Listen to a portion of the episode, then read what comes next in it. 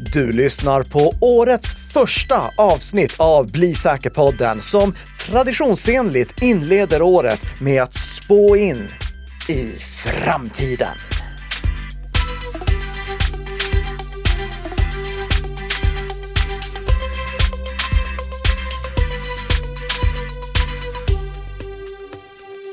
Ja, det ska bli oerhört spännande att se om det är i år som Firefox reser sig ur elden. Ja, mm, det kan det mycket väl bli. Det kan det mycket väl bli. Ja. Ja, känner du att det har varit lättare att spå in i framtiden detta året än förra året? Eh, I år så tog jag hjälp av en kalender och kollade vad händer i år egentligen för att försöka få lite mer träffsäkra spådomar. Men jag hoppas ändå på att kunna bjuda på fem stycken intressanta spådomar för vad som stundar för er 2024. Vad fint! Och i min kalender så står det idag när vi spelar in den 4 januari och eh, vid publiceringsdag så bör det stå den 5 januari. Mm. I alla fall om Libsyn gör den den ska. Exakt. Inspelat i ett ekonomiskt oberoende samarbete med Nika Systems. Jag tog den. Ja. Innan vi eh, faktiskt... Eh, och Bredband2. Och bre ja, det, båda två är med där också. Ja innan vi går och eh, ska kolla in här i spåkulan så har vi en liten, liten snabbis. Mm, det har vi. välkomnande kan man säga. Ja, Precis, e- eller ja, är det någonting som är lite oförskämt rent av till och med. Ja, ja är det någon som eh, försöker ta, eh, ta ljuset från dig? Ja, precis. Det, vi har fått en konkurrent till säkerhetsbubblan. Det är Kristoffer Strömblad på Trusec som har varit så fräck att han har satt upp en Mastodon-instans och Matrix-instans för oss som vill diskutera IT-säkerhetsfrågor. Framförallt för oss som är verksamma i IT och informationssäkerhet säkerhetsbranschen. Den ligger på svesub.com och kommer nu då alltså kanske att stjäla diskussioner från säkerhetsbubblan. Jag tänker att eh, du måste veta vad en Matrix-instans är för att liksom vara kvalificerad kanske? Ja, jo, det, Matrix är ju eh, vad ska man säga, öppen källkodsvarianten, säkra varianten av Discord som används av många gamers. Eh, alltså Discord används av många gamers, även om de borde använda Matrix. Och Matrix är också det vi har pratat om att kan bli ett framtida kommunik kommunikationssätt för att eh, diskutera mellan olika organisationer. Det, det, finns många skäl att ha ett eh, Matrix-konto och om ni är verksamma i it-säkerhetsbranschen så rekommenderar jag er att skaffa det och eh, hänga med oss på Matrix-instansen som Kristoffer Strömblad driver. Och för att vara väldigt tydlig här, det här är ju självfallet någonting som är suveränt att han gör. Vi behöver fler bra sätt att diskutera olika IT-säkerhetsfrågor. Så eh, om ni inte är med i säkerhetsbubblan, gå med där. Och om ni är intresserade av att diskutera på Matrix, gå med i Svesub. Eh, om du jobbar med IT-säkerhetsfrågor eh, och inte har något bra ställe att diskutera i, med, med de som jobbar med samma sak som dig på andra branschföretag. Låt oss säga att du jobbar inom fiskerinäringen. Du känner ju alla som jobbar med just it-säkerhetsfrågor i fiskerinäringen. Starta en egen Matrix-instans, eller ja, det är kanske onödigt komplicerat. Skapa en signalgrupp för att ni ska kunna diskutera. För att det, ibland så kan man ju inte diskutera de här sakerna helt öppet, eh, utan ibland behöver man kunna diskutera det med bara de som jobbar i ens egen bransch. För att du kan bara diskutera det här med de som du faktiskt litar på. Alla sådana här grupper har ju problemet att när de blir för stora, då blir de för generella och då går det inte att diskutera någonting som är hemligt längre. Så vi behöver fler sådana här initiativ. Starta fler sådana här initiativ. Och två tummar upp till eh, Kristoffer Strömblad på Trosec för att han nu har gett oss ytterligare ett bra ställe att diskutera den här typen av frågor. Och där markerar jag ett för Signal ett avsnitt. Vi har alltså en 1-1 korrelans ja. här nu då. Ja, ja, just det. det. Vi fick ju en Eh, vi fick eh, en fantastisk recension. Tack så mycket till alla som har gett fem stjärnor till oss på Spotify och på iTunes podcast. Eh, vi fick en fantastisk recension där det stod att det var 47 gånger pengarna nu ifall det släpptes ett avsnitt av Bli säker-podden utan att Signal nämndes. Men nej, inte det, det här. händer inte. Det, det, vi får väl se lite vad folk har i språkkulan just i det fallet. Ja. Men nu så ska vi alltså in här på huvudämnet för att språka om vad komma skall säkerhetsåret 2024. Mm. Och den första saken, det är copy-paste på det som vi sa att skulle hända 2023 med Firefox, men som inte hände. Eh, alltså att Firefox reser sig ur elden. Och det, det här går vi inte in på det. något djupare, utan det, det här kan ni lyssna på i förra veckans avsnitt. Och varför de två sakerna som låg till grund för den profetian inte inträffade. Eh, för vi, vi sa ju framförallt att det var på grund av att Chrome skulle fasa ut stöd för manifest version 2-tillägg. Eh, något de sköt upp till 2024 och det är därför som vi flyttar fram den profetian till i år. Men jag sparade en sak också till det här avsnittet som är ytterligare ett skäl till varför Firefox kommer att resa sig ur elden 2024. Vilket är det viktigaste operativsystemet idag, Peter? Uh, är det en kuggfråga? Nej, men det är ju iOS, va? Eller Android? Uh, iOS och Android skulle jag säga är båda mer betydelsefulla idag jämfört med desktop-operativsystemen. Men framför allt Android. Android är ju världens största operativsystem idag.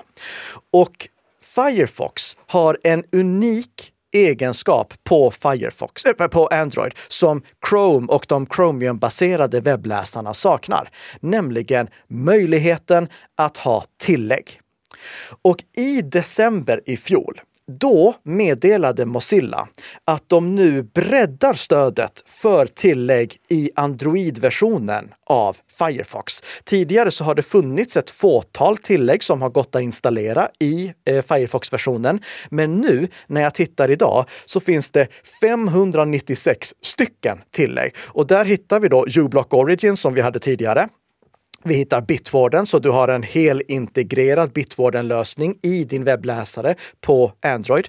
Du har NoScript om du vill blockera skript. Du har Privacy Badger som är ett enkelt sätt att stärka sin eh, integritet på nätet, även om den börjar spela ut sin roll.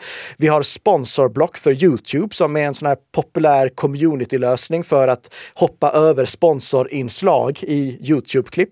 Vi har Firefox Relay för att skapa aliasadresser. Många sådana här till tillägg och de kan du bara få med Firefox. Och det här är alltså nytt från och med december i fjol, vilket är ytterligare ett skäl till att jag tror att Firefox kan få en renässans. För om Firefox tar sig på Android, ja då vill du ju kunna synka din, din webbläsare med datorn också, vilket då kan göra att det får en spillover-effekt, på spillover-effekt istället för spillover-effekt, eh, på desktop också.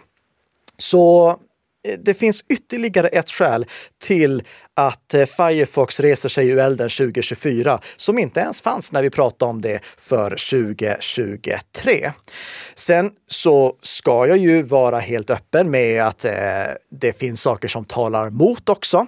Till exempel surfplatteversionen av eh, Firefox på Android. Den är inte sådär jätterolig.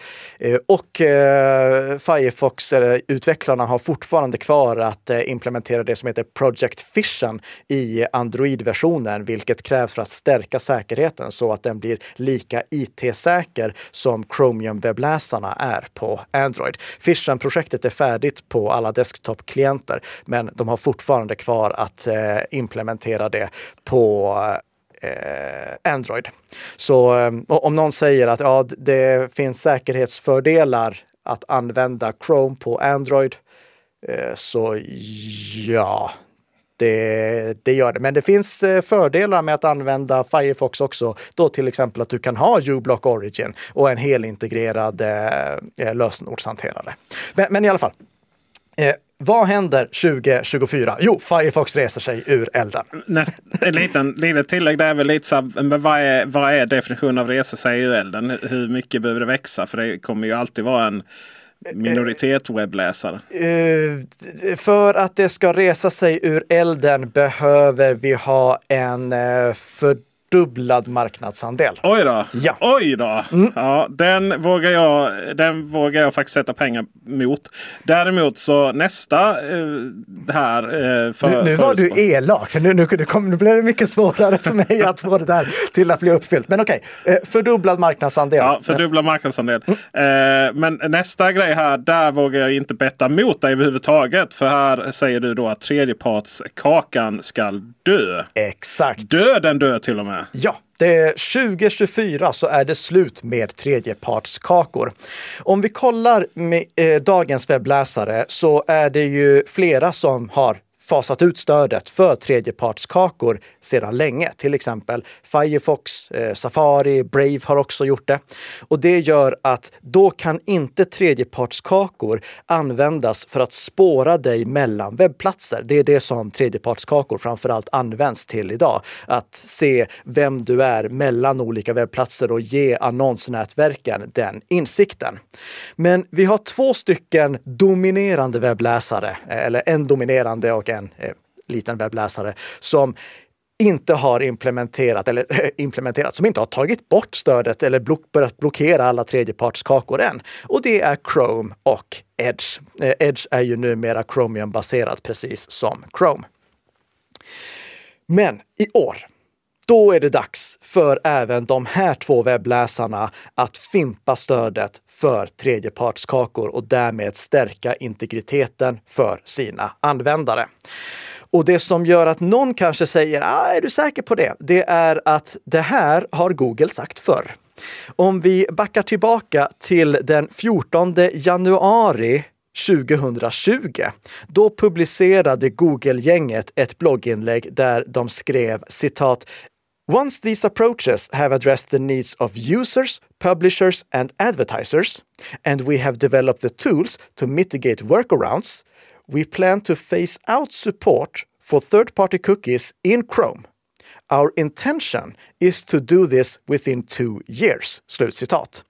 Alltså att när de har utvecklat lösningarna som krävs för att tillgodose behoven från användare, publicister och annonsörer. Notera, de skriver annonsörer. Och de har begränsat möjligheterna att kringgå det här. Då kommer de att fasa ut stödet för tredjepartskakor och de siktar på att göra det inom två år.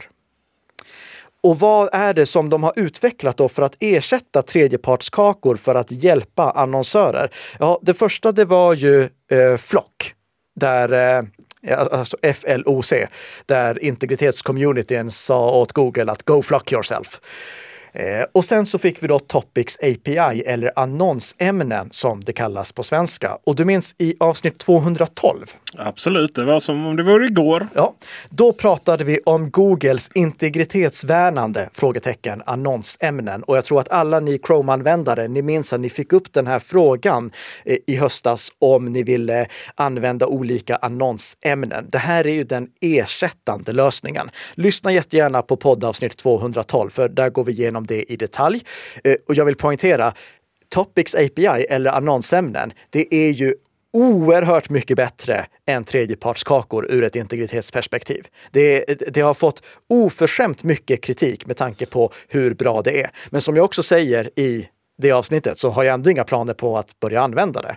För jag ser ingen anledning till att läcka den informationen överhuvudtaget, även om det är mycket, mycket mindre information som läcker och det knappt kan användas för att spåra användare. Men eh, lyssna på det avsnittet om ni vill veta mer. Det är den lösningen som Google i alla fall kommer ha för att ersätta tredjepartskakor.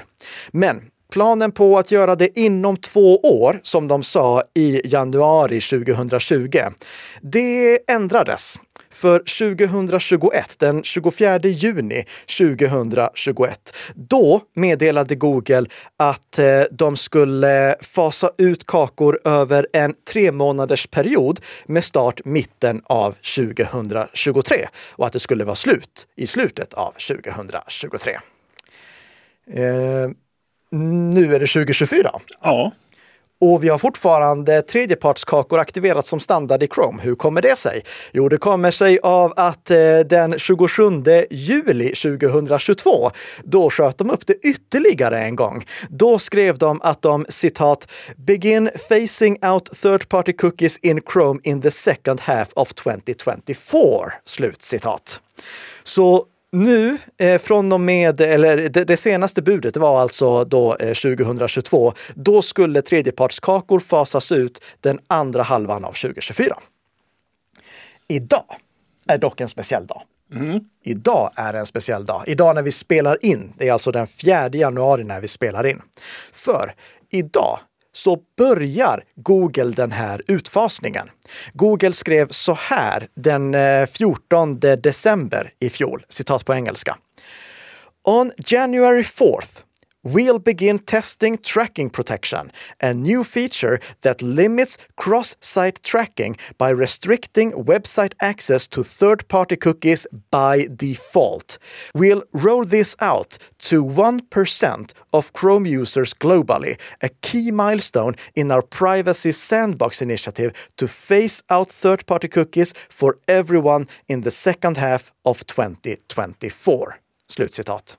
Alltså, idag så börjar de experimentet där de inaktiverar tredjepartskakor för 1 av världens Chrome-användare, vilket är ganska många. Men de gör det här successivt för att sen i slutet av 2024 ha inaktiverat det för alla Chrome-användare. Och då kan man fundera, varför gör de det så här successivt? Och varför testar de med bara 1 procent? Eh, är det för att eh, de är rädda att eh, eh webbplatser ska sluta fungera?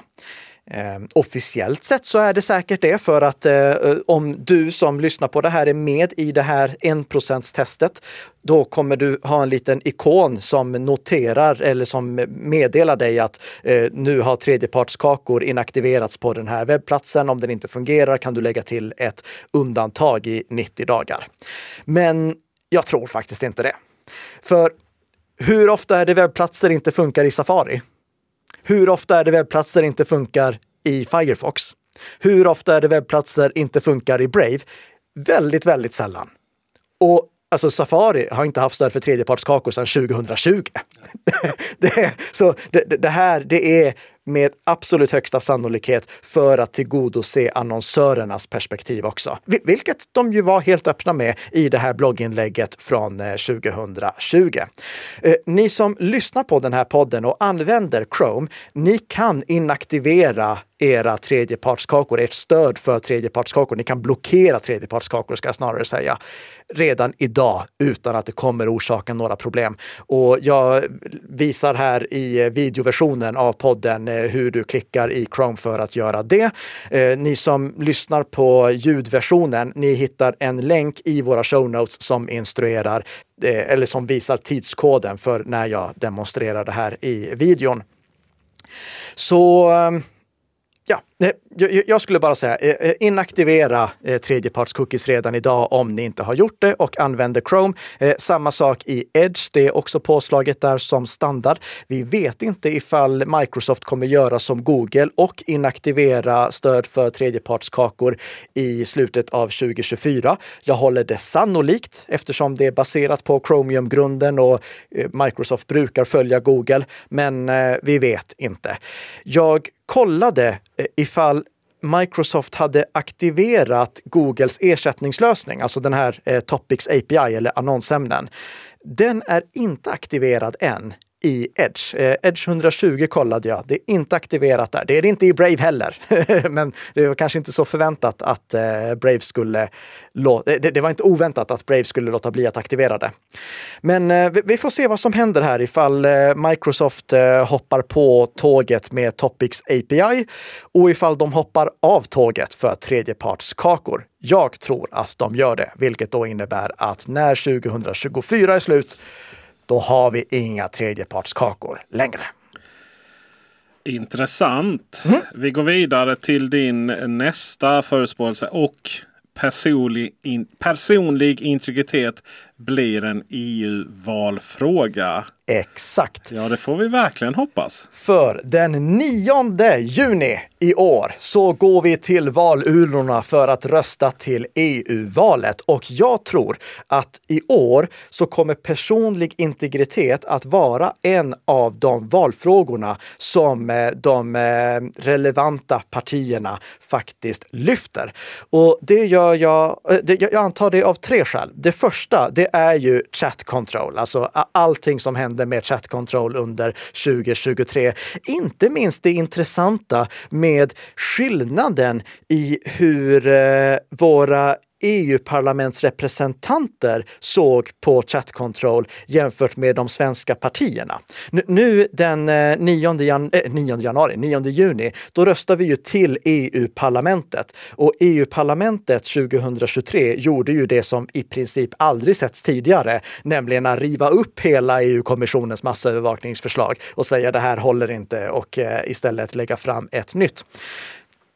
Det gör att jag tror att flera av dem eh, alltså när, när, när de liksom visade den kraften, jag tror att flera av dem politikerna som var med och gjorde det, de kommer därför plocka med det här som en valfråga också till EU-valet 2024 för att säga personlig integritet, det är någonting som vi värnar om. Och det är inte bara massövervakningsförslag så som Chat Control 2.0 det handlar om, utan också till exempel eh, AI-övervakning. Vi har ju nya eh, AI Act. Eh, vad ska egentligen eh, få övervakas med artificiell intelligens? Hur ska artificiell intelligens intelligens få användas för preventiv brottsbekämpning? Hur bör det få användas för preventiv brottsbekämpning? Och sen sist men inte minst identitetskraven. Allting som berör eh, just vår eh, vårt identitetsbehov eller behov av att identifiera oss, så ska jag snarare säga.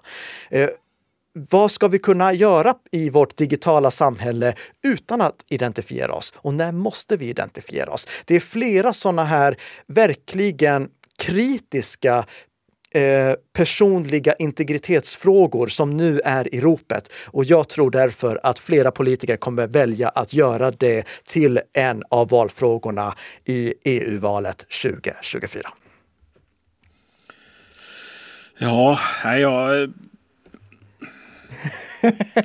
du skriver inte under på den? Jo, det gör jag. Men jag tror att det får bli ett rätt hårt jobbande från er som är väldigt aktiva i framförallt chattkontrollfrågan mm. till att pusha åt det hållet.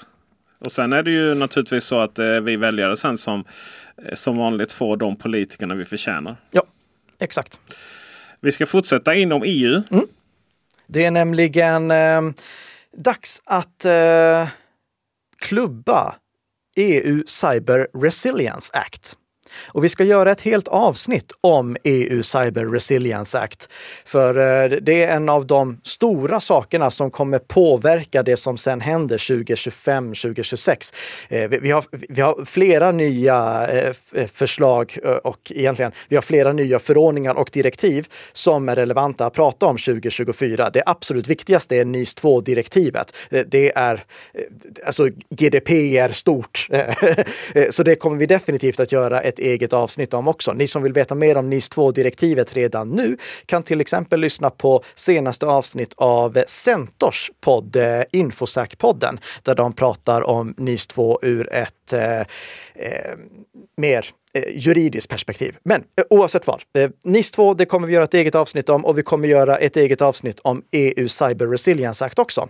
Men det som jag vill ha med som en spaning redan nu, det är att Cyber Resilience Act kommer att klubbas i ofärdigt skick. För vi är redan framme vid trilogförhandlingarna, alltså de, liksom de sista förhandlingarna för att eh, få ihop den här eh, EU Cyber Resilience Act som blir en ny förordning. Och skick trycket på utkastet är problematiskt. Idén är jättebra. Idén är att vi ska få mer cybersäkra, mer IT-säkra produkter och tjänster. Du vet, idag när du köper en, eh, en, en, en elektronikprodukt, då kan du Eh, tack vare CE-märkningen som är en förutsättning för att den elektronikprodukten ska få säljas här i EU, vara säker på att den är elsäker och den är eh, kemikaliesäker. Eh, du vet att ja, koppla in den här i väggen så börjar den inte brinna och du vet att eh, om du tar i den så blir du inte förgiftad. Nu så ska det här utökas till att inte bara gälla elsäkerhet och kemikaliesäkerhet utan också cybersäkerhet. Så att för att produkter ska få säljas inom EU, och vi kommer gå igenom vilka produkter det är som berörs också i det dedikerade avsnittet, så måste de vara cybersäkra. EU skriver så här på sin webbplats, citat på engelska. When the regulation enters into force, software and products connected to the internet would bear the CE marking to indicate they comply with the new standards, requiring manufacturers and retailers to prioritize cybersecurity. Customers and businesses would be empowered to make better informed choices confident of the cybersecurity credentials of the CE marked products. Slutcitat. Alltså tanken är att då ska CE-märket göra att du kan göra mer informerade val när du väljer dina produkter. Och det här är i grund och botten bra. Men det finns fyra stycken stora problem med det här. För det första så är förslaget så som det är nu skrivet utan att prata med... Eh, det, det, det tar inte hänsyn till öppen källkods-communityn. Och det, det är liksom skrivet ur ett corporate perspektiv där alla vet vem det är som ansvarar för vad. Men så är det ju inte med väldigt mycket av den mjukvara vi använder. För väldigt mycket av den mjukvara vi använder är öppen källkodsmjukvara som någon hobbyutvecklare har skrivit och underhåller. Och gör det utan att ha en tanke på att tjäna pengar på det eller att kunna bli, eh, bli skyldig för att ha gjort någonting ifall det finns brister i den. Eh, jag lägger länkar i våra show notes till till exempel Mozillas och Debians kommentarer till varför det är problematiskt. Det andra saken som gör att jag säger att det här riskerar att klubbas i ett ofärdigt skick, det är att vi vet inte hur vi bygger cybersäkra produkter och tjänster. Alltså, vi vet hur vi bygger elsäkra produkter. Vi vet isolationsavstånden mellan de där ledarna ska vara si och så. Eh, då får vi elsäkra produkter. Vi vet hur vi bygger kemisäkra produkter. Vi vet att det, det, bly är dåligt. Använd inte bly. det, det, liksom, det, har vi koll på vi vet inte hur vi bygger cybersäkra produkter. Eh, vi vet hur vi, eh, eh, alltså i det här förslaget till förordningen så pratas det om security by design och det pratas om underhåll. Och det är jättebra, men vi måste se till att det faktiskt fungerar i verkligheten också. Sen har vi problemet att utnyttjade sårbarheter ska rapporteras till ENISA, det är EU cybersäkerhetsbyrå, inom ett dygn. Och det kan låta jättebra.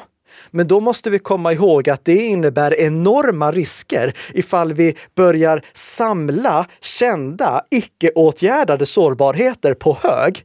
Inte minst ifall andra länders polisiära myndigheter vill göra som vi i Sverige vill, nämligen låta vårt polisväsende utnyttja kända eh, icke-åtgärdade sårbarheter för att infektera mobiler. Eh, jag tänker på lagen om hemlig dataavläsning.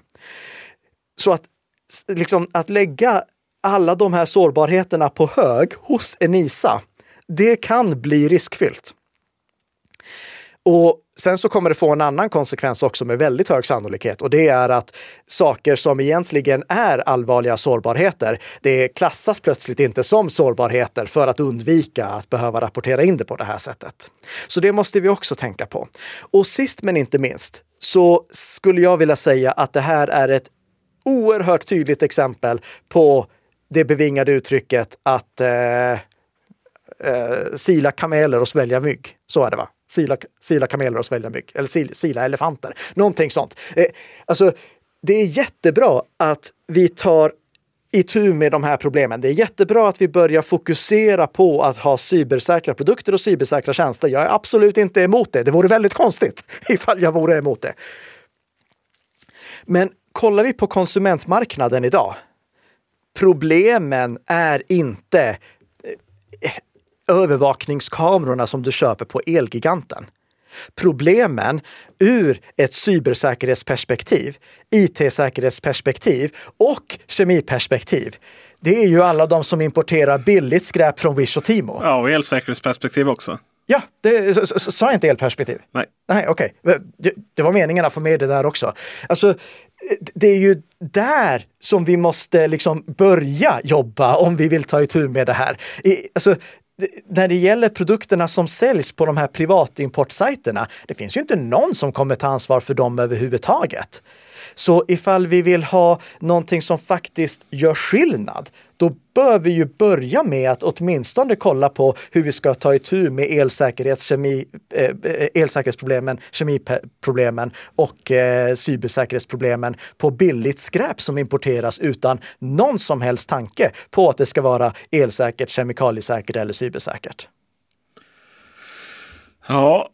Mm de här perspektiven finns inte med i Cyber Resilience Act än och därför tror jag att den kommer klubbas i ofärdigt skick 2024. Just det. Och då vad vi definierar som ofärdigt då? Eh, Eller vem, eh, ja. det, eh, det var en bra poäng. Det var ja. en bra poäng.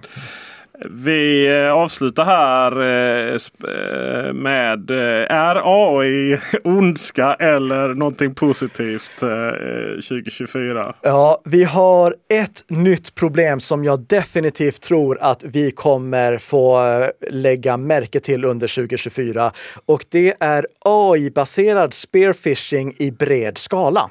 Och nu tycker ni att ja, men det där är ju per definition motsägelsefullt. För spearfishing phishing, det handlar ju om att göra riktade nätfiskeattacker mot utvalda måltavlor och lägga mycket energi på att göra riktigt välformulerade nätfiskebrev för att kunna lura specifika mottagare som då skiljer sig från de här breda nätfiskemailattackerna som skickas ut till alla där de bara hoppas på att någon ska falla offer för eh, just den nätfiskeattacken. Men tack vare AI så får vi nu möjlighet, eller ja, angriparna får möjlighet att göra spearfishing-attacker i bred skala. För vi, nu, nu, har de alla verktyg som behövs. Det, låt oss säga att de vill attackera eh, eh någon som jobbar på ICA-banken, eh, bara rent hypotetiskt, ICA-banken. Ja, då ser de ju att den e-postadressen slutar på icabanken.se eller vad de nu har som domän. Ja, det är inte svårare än att de använder artificiell intelligens för att eh, gå till Eh, deras webbplats, till ICA-bankens webbplats, se lite hur det är skrivet där, se deras corporate-språk eh, och sen be en artificiell intelligens skriva ett nätfiskemail som är baserat på information som finns på just den organisationens webbplats. Och sen så kopierar de logotypen också från den webbplatsen, lägger in i mejlet och skickar iväg det. Och så gör de så för alla olika domäner som de vill attackera medarbetare på eller eh, nå medarbetare som har e-postadresser som slutar på de domänerna. De publika AI-tjänsterna, de publika generativa AI-tjänsterna, eh, OpenAI och Bard och liknande, de har ju spärrar som gör att du kan inte be dem skriva ett nätfiskemail. Men de spärrarna finns ju inte i de lokala lösningarna som går att drifta själv. Så här tror jag att nu, i och med att tekniken finns, i och med att möjligheterna finns, så kommer våra kriminella ovänner att börja utnyttja tekniken för breda nätfiskeattacker som känns riktade. Och det värsta av allt kom jag på precis innan vi gick in här och började spela in. Nämligen att de kan ju till och med använda AI för att skriva relevanta svar. Och tänk dig hur mycket effektivare ett nätfiskemail skulle kunna bli ifall du inte bara skickar ett nätfiskemail i sig, utan också svarar på mejlet som eh, offret kanske skickar tillbaka till dig. Tänk dig den trovärdighet som du då kan bygga upp och tack vare slash på grund av AI bygga upp med trovärdighet. Det är därför ja. en stor risk som jag tror att vi kommer få behöva ta itu med under 2024 eller se konsekvenserna av 2024. Det finns faktiskt några saker som redan görs åt det. Det är både Bitwarden, eh, eh, inte Bitwarden, Bitdefender och NordVPN. De har börjat fighting fire with fire genom att lansera AI-verktyg för att detektera eh, nätfiskemail.